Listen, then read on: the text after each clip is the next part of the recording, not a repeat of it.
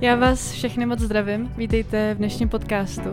A dneska je to na téma cílů, ale ne z toho pohledu, že byste měli dělat všechno pro to, abyste okamžitě dosahli vašich cílů, protože to si myslím, že ani nejde a není úplně dobrý to uchvátat. Takže dnešní epizoda v angličtině nese název Enjoy the Process, takže v češtině bych to pojala, jak si užít proces dosahování svých cílů. Protože mi přijde, že v dnešní době za prvý všechno vypadá, že je hned, přitom to tak ve skutečnosti vůbec není. Je pravda, že některé věci jsou dosažitelné jednodušejc a mnohem rychlejc, než tomu třeba bylo v dřívější době, ale na druhou stranu pořád dneska nic není zadarmo, pro všechno, čeho chcete dosáhnout, tak musíte vynaložit stejné množství energie nebo podobný. Všechno je pořád jako náročný a rozhodně to není tak jednoduchý, jak to třeba může vypadat na sociálních sítích. A vzhledem k tomu, že dneska existuje spoustu jako různých motivačních uh, webů, podcastů, kanálů na YouTube, knížek, možná i filmů, kde se vás pořád jenom snaží pušovat, abyste všeho dosahli co nejrychleji. Jakože třeba splňte si svůj vysněný život do měsíce, nebo dosáhněte svých cílů do týdne, nebo staňte se lepším člověkem jako do dvou dnů, nebo tak. A to si myslím, že to je tak strašně nerealizovatelný. Za prvý, a druhá věc, myslím si, že ten náš život by neměl být jenom o tom, jak rychle něčeho dosáhneme, ale když se na to podíváte z dálky, tak ten náš život je vlastně to mezi tím. Jakože když dosáhnete nějakého cíle, tak reálně z toho máte chvilku radost, je to super. Rozhodně sama patřím k lidem, kteří mají cíle a když nějaký splnějí, byť je to jenom nějaký jako na mém denním to-do listě, tak pocituju tu radost, je to skvělý, ale ten život se odehrává mezi těma cílema. Je to to, co děláte mezi tím, je to ten proces. A proto si myslím, že bychom neměli zapomínat na to, si užívat ten proces a nežít jenom z těch uskutečněných výzev, cílů, challenge, ale žít mezi tím, nezapomínat na ten život. Takže to bylo takhle na úvod. Já se teď vrhnu na moji klasickou rubriku. Věci, co mám ráda a věci, co mě naštvaly třeba. Věc, kterou jsem měla ráda, tak je to asi takový očekávaný. Já jsem o tom mluvila v tom posledním podcastu, tak je to ta Neapol, kde jsme byli teď s přítelem, s Honzou.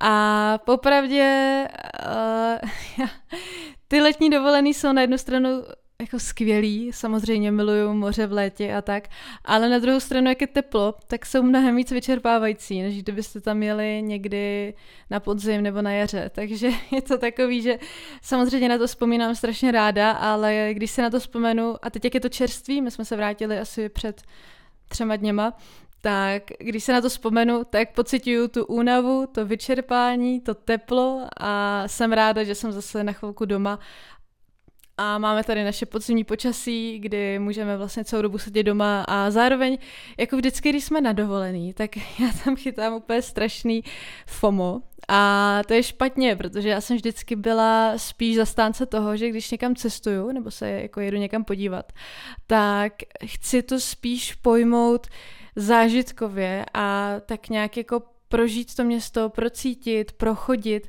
A nikdy se nebyla typ člověka, co by si napsal jako deset památek a všechny by musel vidět, protože mi přijde, že stejně jako když jenom obcházíte všechny ty krásné věci, tak vám uniká to město samotný. A to je podle mě hrozná škoda, protože pak jako víte, že jste viděli, jako kdybych prostě plácal Paříž, tak víte, že jste viděli Louvre, Eiffelovku a co tam ještě je, tyjo, eh, Notre Dame.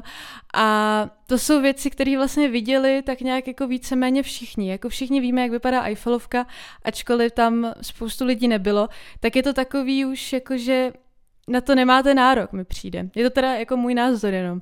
Ale zatímco, když si to všechno jako prochodíte, objevíte nějaký místní kavárničky nebo malý muzea, který vlastně ani nejsou v takových těch prospektech pro turisty, tak to město skutečně poznáte a začnete jako s ním žít. Zatímco když jenom obcházíte ty monumenty slavný, tak mi přijde, že se s tím městem neseznámíte. Že to je jenom jako takový, viděla jsem to, ale neprožila jsem to. Takže takhle nějak jako my pojímáme vlastně úplně všechno a když jsme, nebo já nevím, jak je na tom Honza, já nemůžu mluvit za něj. Myslím si, že on je hodně na pomezí toho, že na jednu stranu rád vidí věci, pro které je to město známý, ale na druhou stranu rád třeba mezi těma místama chodí pešky, nepatří třeba k těm lidem, kteří si jenom jako zjistějí, jak jezdí autobusy a jedou tam, pak zase jede tam.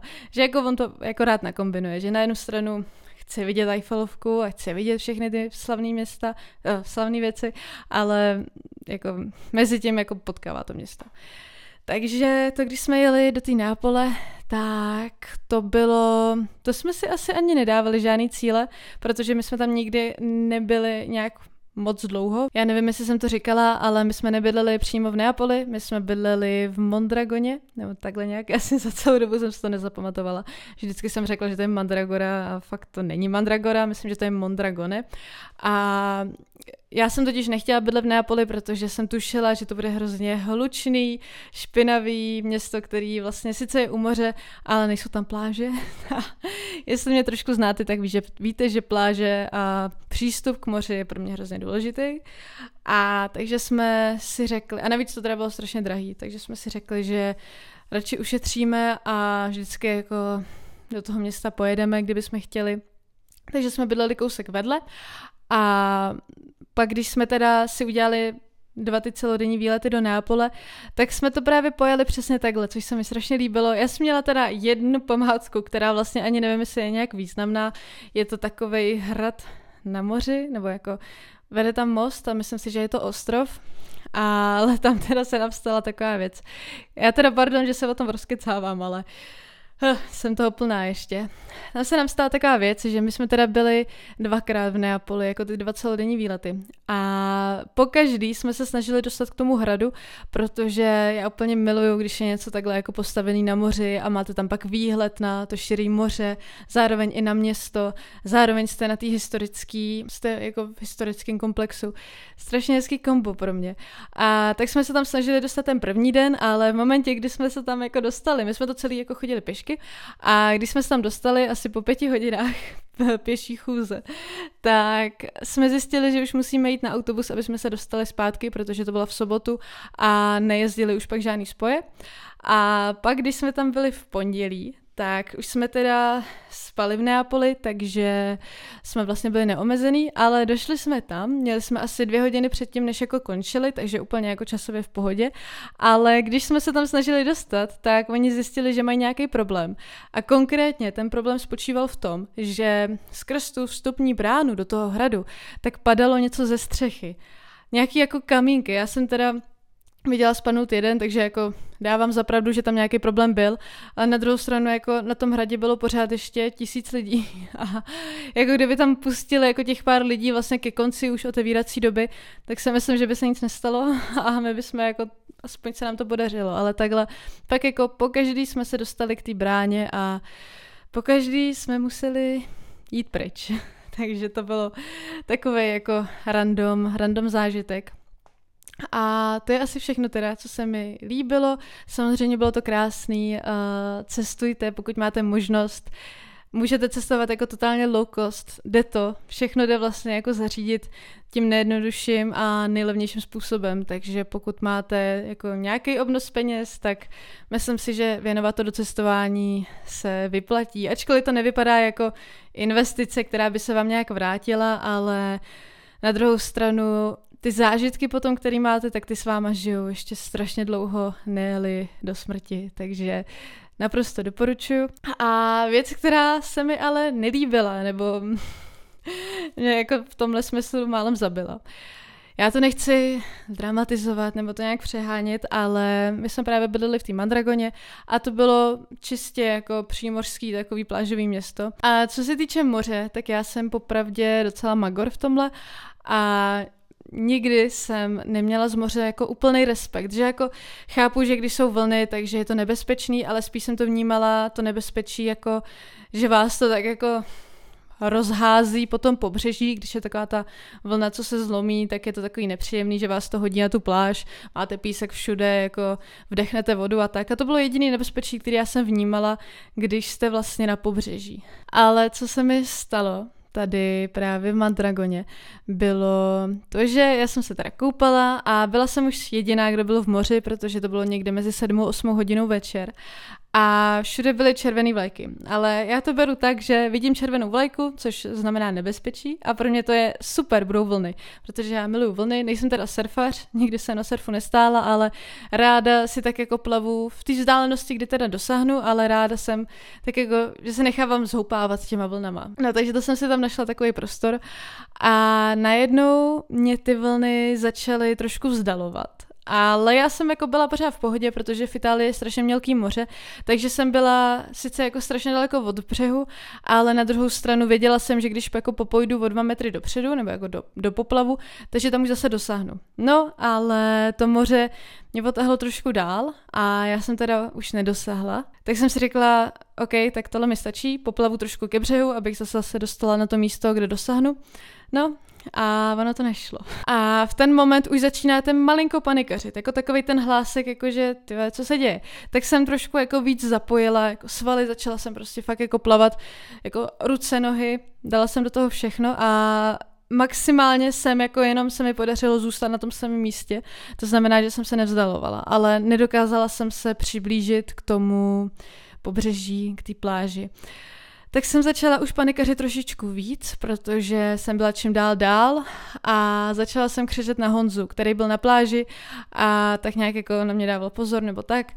A začala jsem na něj křičet a pak už i mávat. A to křičení jsem později zjistila, že vůbec neslyšel. Když jsem viděla, že jako vyloženě mi jako nejde na pomoc nebo tak nějak jako neví, co se děje, tak jsem začala křičet z plných plic jako help, protože jsem fakt už nevěděla, co mám dělat.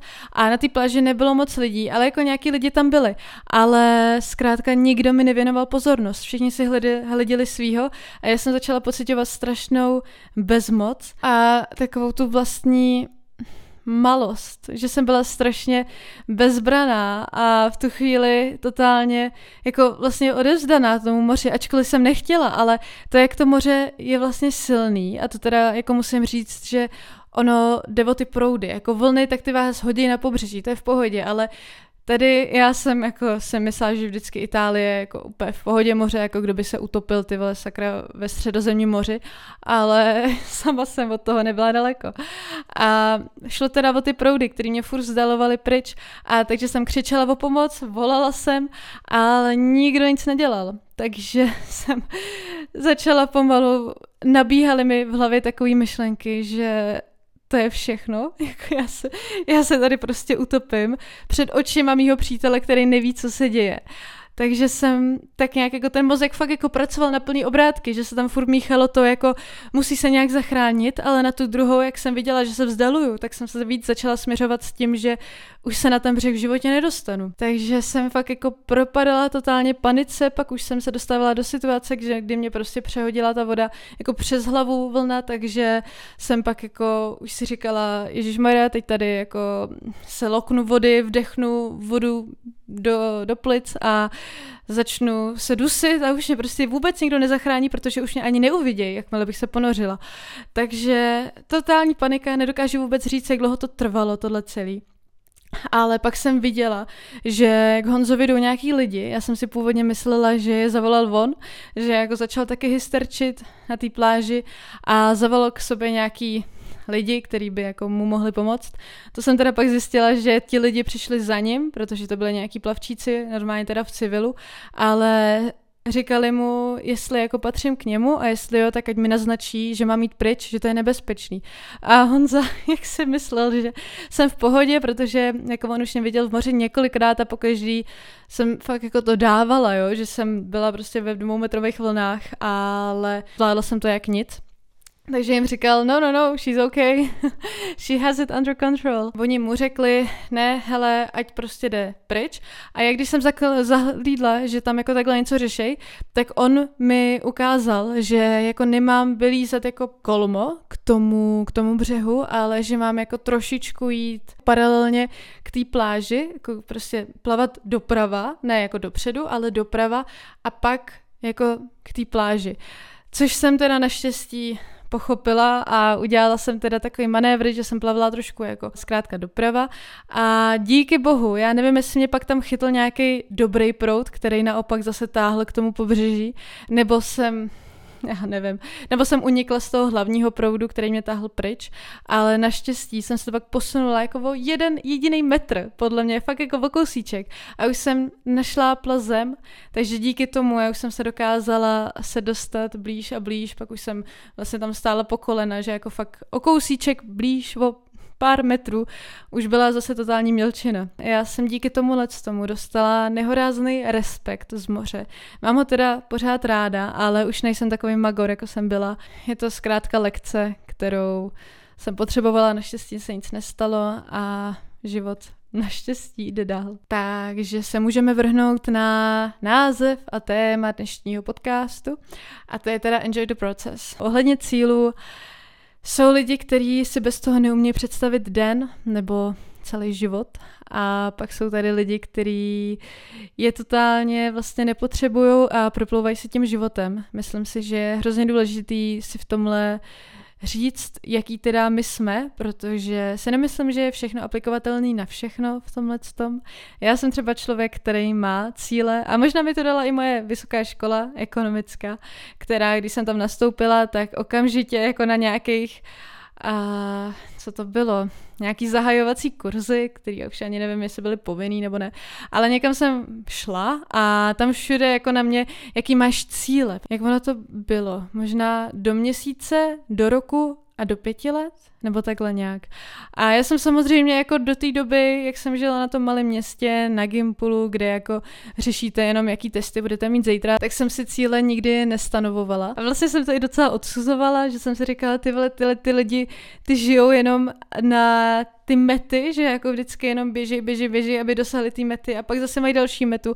A nepřišlo mi to vlastně vůbec takový živý, zábavný, zajímavý a vlastně teďkom jsem taky na tom pomezí víceméně, že na jednu stranu mám cíle, miluju to, mám cíle i jakoby vždycky na ten den, se snažím dělat si to listy a posouvá mě to, to je právě ono, že jako fakt, když si ty cíle napíšete, stanovíte, tak se vám mnohem líp pak pokořujou a dosahujou, ale na druhou stranu se snažím nebejt jenom jako v takové té škatulce těch cílů a chci tak nějak jako žít i mimo ty cíle, protože to si myslím, že je klíč jako k životu, protože kdybyste jenom jako dosahovali těch cílů a snažili se za každou cenu jenom překonávat sami sebe, tak co z toho života vlastně pak máte? Život není jenom o tom snažit se být naprosto, naprosto nejlepší verze sama sebe a lepší než všichni ostatní. Samozřejmě je to taky důležitý, rozhodně na sobě pracujte, jako nějaká produktivita a sebezdokonalování je úplně skvělý, ale nedávejte tomu jako úplně takovou důležitost, protože pak na druhou stranu, když se vám něco nepovede, něčeho nedosáhnete a něco se vám zkrátka nedaří, tak to není konec světa. A když si budujete ten svůj život i mimo ty cíle, tak se vždycky máte k něčemu vrátit. Zatímco ty lidi, co jenom jako jsou závislí, to je fakt jako závislost, podle mě. Protože taky, když toho dosáhnete, tak se vám vyplaví dopamin, serotonin, takže se na tom vybudou závislost, jenom na tom splňovat každý den ty kroky, abyste za rok byli prostě tamhle manažerem něčeho, tak když se to nepodaří, což vždycky tam ta šance je, že se to nepodaří, bohužel, tak co pak vlastně máte. Myslím si, že my máme společností hodně nastavený takový takzvaný tunnel vision, neboli tunelový vidění, že když teda máme nějaký ten cíl, byť je to třeba jako dostat se na vejšku, což je cíl, který má většina z nás, když třeba odchodí Gimple, tak je to takový, že byste se měli soustředit jenom na tohle tu jednu věc, přitom i když se připravujete na přijímačky na vejšku, tak nemůžete v tom být celou dobu, protože ten mozek není stroj, nejde se učit furt, takže vždycky to kombinovat s nějakým i normálním životem, dělat věci, co vás baví, protože musíte tomu mozku dávat zkrátka štěstí, poskytovat mu štěstí i jinde než ty cíle. Já bych to vlastně chtěla pojmenovat tak, že život není sprint, ale maraton. Je to běh na dlouhou trať. Vlastně, když si to tak můžeme říct, tak celá ta trať je náš život. Já to ráda zaokrouhlu na 100 let, když vím, že jako málo kdo se dožije přímo jako stovky. Hezky se to představuje, když to dám do té stoletý osy, tak zkrátka to celý, ten celý běh je náš život a my se vlastně nechceme snažit tam doběhnout co nejdřív. A kdyby jsme si dávali takhle jako do té osy ty naše cíle a snažili se je všechny doběhnout co nejdřív, tak si to vemte, jak strašně rychle vám ten život uteče. Což jako není žádoucí. Nikdo neví, co po tom životě bude. A nemyslím si, že je dobrý jako chvátat v něm. Takže brát ten život spíš jako pomalej maraton, kde jako kolikrát můžete chodit, můžete se zastavit, stanovovat si ty cíle, s rozumným odstupem a dávat si na to dostatek času, abyste během toho vašeho maratonu stihli si i koukat kolem sebe, protože přece jenom když jako sprintujete, tak to většinou moc nejde a běžíte jenom za tím cílem a nevnímáte ten život kolem vás což není dobře. Tímhle si vlastně vy sami sebe obíráte o ten čas, co tady máme. Takže žijte i mimo vaše cíle. Ono mi přijde, že to je taky v dnešní době těžký, vlastně se za těma cílema jenom nehno, ne, ne, nehnat, ne, nehrnout, protože všude vlastně vidíme kolem nás jenom ty úspěchy. Ačkoliv teda dneska už se lidi snaží jako ukazovat i ty odvrácené tváře, to znamená, že ne vždycky všechno vyjde, ne vždycky jsme šťastní, ne vždycky je zkrátka ten život růžový, ale na druhou stranu, co se týče takových těch jako úspěchů ve smyslu dostala jsem se na školu, mám super práci, vyhrála jsem něco, tak to většinou vyfotíme na ten Instagram. To, že jsme něco vyhráli, to, že jsme odmaturovali, to, že máme titul, tak tohle, když to vlastně pořád vidíte, že ti lidi kolem vás se prezentují tím úspěchem, což ve vašich očích může vypadat, že se jim neúspěch vyhýbá, tak ve skutečnosti oni se vyhýbají tomu, aby ten neúspěch prezentovali. Takže to neznamená, že se jim neděje. Já si myslím, že každý máme v našem životě více méně plus minus stejný, stejný množství, stejný objem štěstí a neštěstí, příležitostí a naopak hrozeb teď jsem použila marketingový pojem, a že je na nás, jak s tím naložíme. A to, že někdo vypadá, že vyhrává jednu medaili za druhou, obrazně řečeno, tak to neznamená, že se mu jako v životě nedějou špatné věci. To teď narážím i na to srovnávání se, ale spíš tím myslím to, že to, že vidíme jenom ten úspěch u člověka, neznamená, že se nepotýká i s neúspěchem, protože si myslím, že každý, i jako proto, abyste uspěli, tak musíte zažít i ten neúspěch, protože bez toho to nejde. I taková ta křivka nějakého dosahnutí cíle, já nechci to slovo cíl tady říkat moc často, protože už jako, už ho říkám mega často, ale vždycky, když máte tu křivku z bodu A do bodu B a to ten bod B je ten váš cíl, tak ta křivka nikdy není přímočará, lineární, vždycky to je nahoru, dolů, nahoru, dolů, ale postupně jdete nahoru. Takže vždycky, jako v každém procesu jsou i pády. Neříkám, že si ty pády máte i užívat, když jsem to teda takhle pojmenovala, ale spíš se z toho nehroutit a když teda spadnete, tak buď teda se můžete zase hned rozeběhnout, ale spíš si myslím, že je dobrý načerpat síly zase jinde a vrátit se k tomu vašemu plnění pak zase odpočatý. Vždycky, ať děláte cokoliv, co je trošku náročný, tak nezapomínejte se o sebe starat. Je to věc, kterou omílám snad v každém díle, že je důležitý myslet i na sebe, dělat věci, které nám dělají dobře a ne jenom neustále tlačit na sebe. Ale je to důležitý, protože, jak už jsem říkala, nejsme stroje. Máme spoustu dalších různých aspektů života, na který je potřeba brát zřetel, aby to tělo fungovalo tak, jak má. Takže myslete na sebe v tom smyslu, že když máte hodně práce, tak nezapomínejte na spánek. Spánek je strašně důležitý. Je to vlastně jeden z nejlepších způsobů regenerace. Takže dostatečně spát, jíst zdravě, pokud možno, hejbat se. A tohle, co jsou právě ty dílčí procesy toho velkého procesu, na který byste neměli zapomínat a myslím tím si je užívat. Vlastně ten náš život i v tomhle tom, že fakt jako nejsme ve filmu, kde jako máte nějakou zápletku, kterou je potřeba udělat, abyste dosáhli toho happy endu. Takhle to zkrátka nefunguje. Máme ty dílčí cíle, velký cíle a v průběhu toho je ten život, který bychom měli prožívat a mít otevření oči i během toho. A ne jenom v těch situacích, kdy teda se nám něco podaří. Protože jo, to je krásný pocit, všichni to máme rádi, ale ten život není poskládaný jenom z těch úspěchů. Ono je taky zajímavý pozorovat, že před pár lety bylo strašně nadnášený jako hustle culture, což znamená pořád jako makat na sobě. A pak vlastně spoustu lidí se dostalo k vyhoření. A to je věc, která myslím si, že takhle mezi mladýma lidma ještě není tak častá, není tolik skloňovaná, protože přece jenom, když jako chodíte do školy, tak jo, jako některé vysoké školy jsou fakt strašně těžký. A několikrát tam naťuknete jako sami sebou to vyhoření. Ale přece jenom myslím si, že v pracovní sféře je to ještě víc častý, protože přece jenom ten člověk, když je starší, tak už nemá tolik energie, takového toho životního elánu, jako ten mladý člověk, který se tak nějak jako ze všeho rychle oklepe.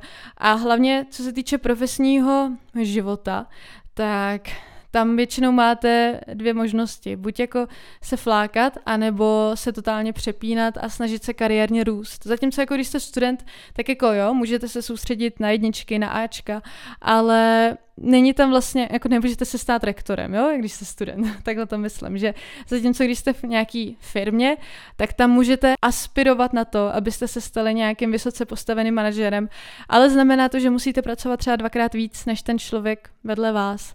Takže hustle culture je hrozně moc skloňovaný, ale na druhou stranu už vnímám ten trend zase, že se trošičku zpomaluje a že musíme taky fakt jako myslet na to, jak se cítíme a nesnažit se za každou cenu se jenom překonávat. Já teda jako v tom věku samozřejmě ještě nejsem, ale viděla jsem to v pár filmech a umím si to i dost živě představit, že potom, když vám je třeba těch 90 a ohlínete se za sebe, tak sice jo, můžete žít v obrovském baráku, lítat tryskáčem, eh, vlastnit vilu v Itálii ale pokud jste kvůli tomu tomu obětovali celý váš život a třeba jste nebyli u toho, když vám rostly vaše děti, nebo jste se neúčastňovali rodinných oslav lidí, kteří třeba už ani nejsou ve vašem životě, tak věřte mi, že byste dali úplně všechno za to, abyste to mohli vrátit. A když právě takhle strašně jako hastlujeme, běžíme za těma cílema, tak ten život nám fakt jako utíká mezi prstama, takže to souvisí i s mindfulness. Snažte se zpomalovat. Neříkám, že jako musíme těm našim cílům dostávat pomalu, jak šneci, ale že třeba popoběhnout, ale pak se zastavit, uklidnit se, načerpat energii, načerpat trošku ten náš život, bavit se i. Život není jenom o tom prostě pracovat, ale i bavit se, proto jako máme možnost se bavit, máme možnost zažívat štěstí, radost, smích, nejenom být nástrojem pro to, aby jsme vydělali strašně moc peněz a odváděli dobrou práci. Vždycky po nějaký době je taky důležitý umět reflektovat na ty věci, co se nám povedly. A vlastně díky tomu si taky říct, jako jo, teď, jako sice možná ještě nejsem na tom svém ideálním světě, kde bych chtěla být teď si doplňte ten váš sen. Ale na druhou stranu podařilo se mi tohle, tohle, tohle a třeba to taky nebylo jednoduchý. To vás taky strašně nakopává a je to věc, která o který se za stolik nemluví, že bychom si měli vážit věci, které už jsme v životě zvládli, protože to může působit až jako narcisticky nebo tak jako povýšeně, ale my jako máme nárok být povýšený, ne vůči jiným lidem, ale tak nějak jako povyšovat sám sebe vůči sobě, že jako být pišný na to, co jsme v životě zvládli. Tohle to jsou ty důvody k oslavám. Není většinou důležitý, jak moc náročný ten úkol nebo ten cíl byl, ale spíš buďte rádi, že jste vůbec jako toho cíle dosáhli. Hlavně se, to taky jsem už říkala, ale nikdy se nesrovnávejte s věkem, jakože s věkem někoho jiného. Pokud někdo dosáhl vašeho cíle v 15, nebo asi moc brzo, třeba ve 20 a vám je 25 a furt tam ještě nejste, tak to vůbec nevadí. Jako fakt věk je strašně relevantní. Tady Monice z budoucnosti, věk je strašně relativní, ne relevantní. Já jsem vlastně řekla opak. Navíc věk se pořád prodlužuje, to znamená, že naši rodiče třeba jako ve věku 25 let už byli rodiče, tak já Rodičem určitě neplánuju být. Mám pocit, že mám třeba o deset let víc času, než měli naši rodiče, protože tam byl tlak zase na to vdát se mít děti, mít brzo vnoučata a tak. Takže se nesrovnávat, žít si tu svoji životní osu, umět zpomalit a věřit, že těch našich cílů dosáhneme, protože nechci nějak hanit stanovování cílů, je to krásný, je to praktický, je to produktivní, ale nevstavit na tom celý naše štěstí a radost, jenom jestli těch cílů dosahujeme nebo ne. Takže to je všechno k této epizodě. Je asi nejdelší, co jsem kdy udělala, že jsem se rozkecala o tom moři. No nic, takže já moc děkuju, že jste tady byli, že jste poslouchali. Mějte se krásně, užívejte si podzim, protože ten nám právě teď začíná. A to je taky takový období, kde vlastně přes léto, já ačkoliv jsem se snažila si uvědomovat, že nemusím být všude, nemusím všechno vidět, stihnout, ale je to takový, že jako je to léto, tak si běž užívat to počasí ven, ale teď, když je podzim, tak máme šanci, prostor a čas zavřít doma a užívat si teplo domova, když venku prší. Takže je to ideální čas zpomalit a pak se zase postupně vracet k nějaký produktivitě, ale myslete na sebe. Tak jo, to je úplně všechno. Mějte se krásně a uslyšíme se zase v příštím podcastu. Pa.